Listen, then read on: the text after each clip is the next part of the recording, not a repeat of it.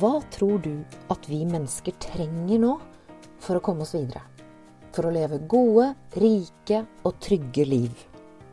Jeg tror det handler om følelser. At du og jeg og alle gjør så godt vi kan for å gjøre følelsene til vår styrke. Jeg heter Katrine Aspaas, og du hører på Oppdrift. I hver episode her får du et verktøy som kan løfte deg i hverdagen.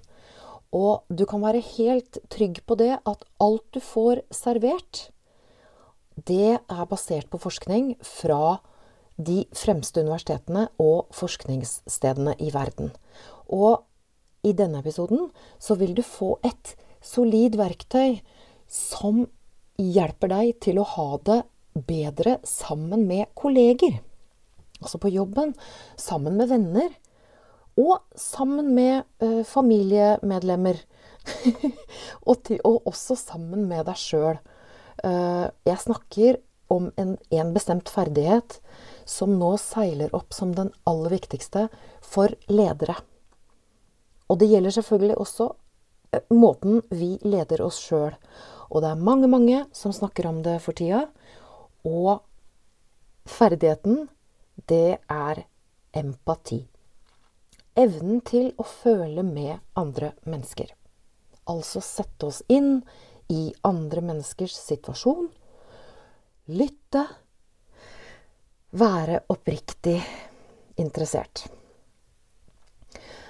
Og jeg er jo veldig interessert i hva som skjer med deg underveis i, eh, når du hører på, på disse tankene, denne forskningen på, på, empati som kommer nå. Og jeg, allerede nå så kan jo jeg kjenne at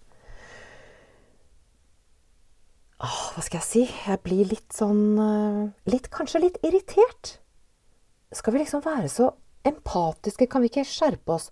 Altså, det kan dukke opp hos meg. Jeg er veldig interessert i hva du tenker. Men det er bare det at forskningen begynner å bli ganske solid nå uh, på at empati, altså det å lede seg sjøl og andre eh, ved å lytte, bruke litt bedre tid, det er det lureste vi kan drive med. Og den forskningen du får her hos meg i dag, det kommer fra det svenske forsvaret. Eh, for det svenske forsvaret, altså mm, høyskolen der, har forsket på eh, det de kaller destruktiv ledelse. Og det viser seg det at destruktiv ledelse, eh, det er det letteste for oss. Og jeg skal komme med eksempler etterpå. Hva er destruktiv ledelse? Altså det er det motsatte av utviklende empatisk ledelse. Altså empati er et nydelig begrep, men det er ikke lett. Og det, det, kan være irriterende, altså som jeg sier nå. Og det er veldig lett å si det. Og så er det vanskelig å utøve det. Og jeg har liksom prøvd å forstå hvorfor blir jeg så irritert når jeg hører om empati. Og jeg har funnet ut at inni meg så bor det en økonom. Altså selvfølgelig, jeg er utdanna siviløkonom. Og jeg driver min egen eh, bedrift. Det er en økonom inni meg som roper ut i en slags smerte når, når, jeg hører ordet empati. For da roper den økonomen 'Jeg har ikke tid! Jeg har en jobb å gjøre her! Jeg kan ikke drive og være sånn der snill hele tida. Jeg har en podkast å lage. Jeg er kjempetravel.' Og jeg veit jo ikke om du kan kjenne deg igjen, men sånn er det hos meg. Altså, empati er liksom noe jeg kan drive med når jeg har veldig god tid. Og det kan være du har kommet mye, mye lenger. Men eh, forskningen fra det svenske forsvaret viser i hvert fall at det som heter destruktivt lederskap, det er det enkleste vi kan drive med.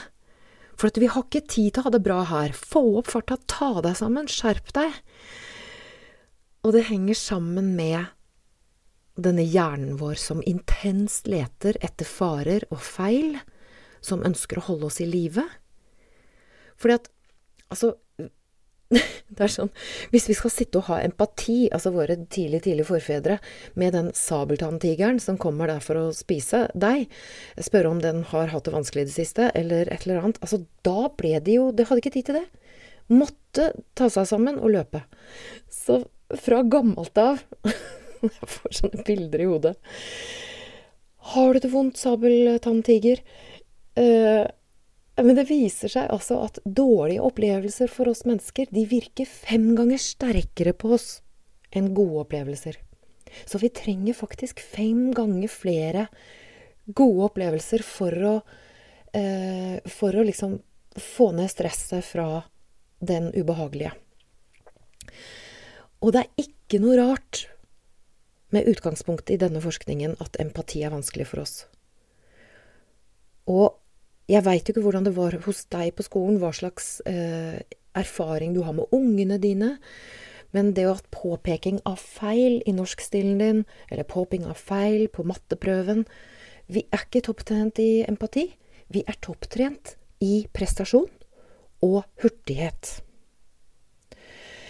Eh, og det er sånn at denne forskningen på empati er så ny at den ikke er blitt tatt helt på alvor før nå. Fordi nå er det så solid forskning som viser at inntjening, nyskaping, gode læremiljøer, eh, god mental helse Altså, det er så lønnsomt. My, kjempelønnsomt. Så nå starter det. Og jeg, jeg, har lyst til å fortelle en liten historie om forskjellen på, som viser forskjellen på destruktivt og utviklende lederskap. Så her kommer altså en leder inn til en ansatt og sier Du, den rapporten du leverte, den er for dårlig. Vi har snakka om det før. Det går ikke. Du må fikse dette her. Og så har du en leder som kommer inn til en ansatt og sier Du, den rapporten du leverte, den fungerer ikke helt. Og vi har snakket om det før, og jeg lurer på hva som egentlig skjer. Eh, har du det ok? Kan du trenge noe fra meg? Punktum. Zipp. Kan du kjenne forskjellen på de to? Det er ikke mennesket som er problemet. Men vi mennesker kan ha et problem som vi trenger hjelp med. Og det er da denne empatiske lederstilen, den spørrende lederstilen, er der og hjelper oss videre. Det er det som er godt lederskap. Også når vi snakker også selvledelse. For hvordan i all verden snakker oh, jeg til meg sjøl når jeg lager rapporter som ikke er bra nok? altså, da kan jeg være ganske nådeløs mot meg sjøl.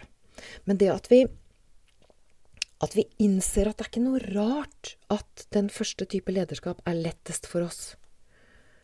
Og nå begynner vi å nærme oss eh, empatien. Nå begynner vi å nærme oss Hvordan skal vi gjøre dette her, da? Hvordan kan vi, hvordan kan vi bli bedre på empati? For den tar jo tid.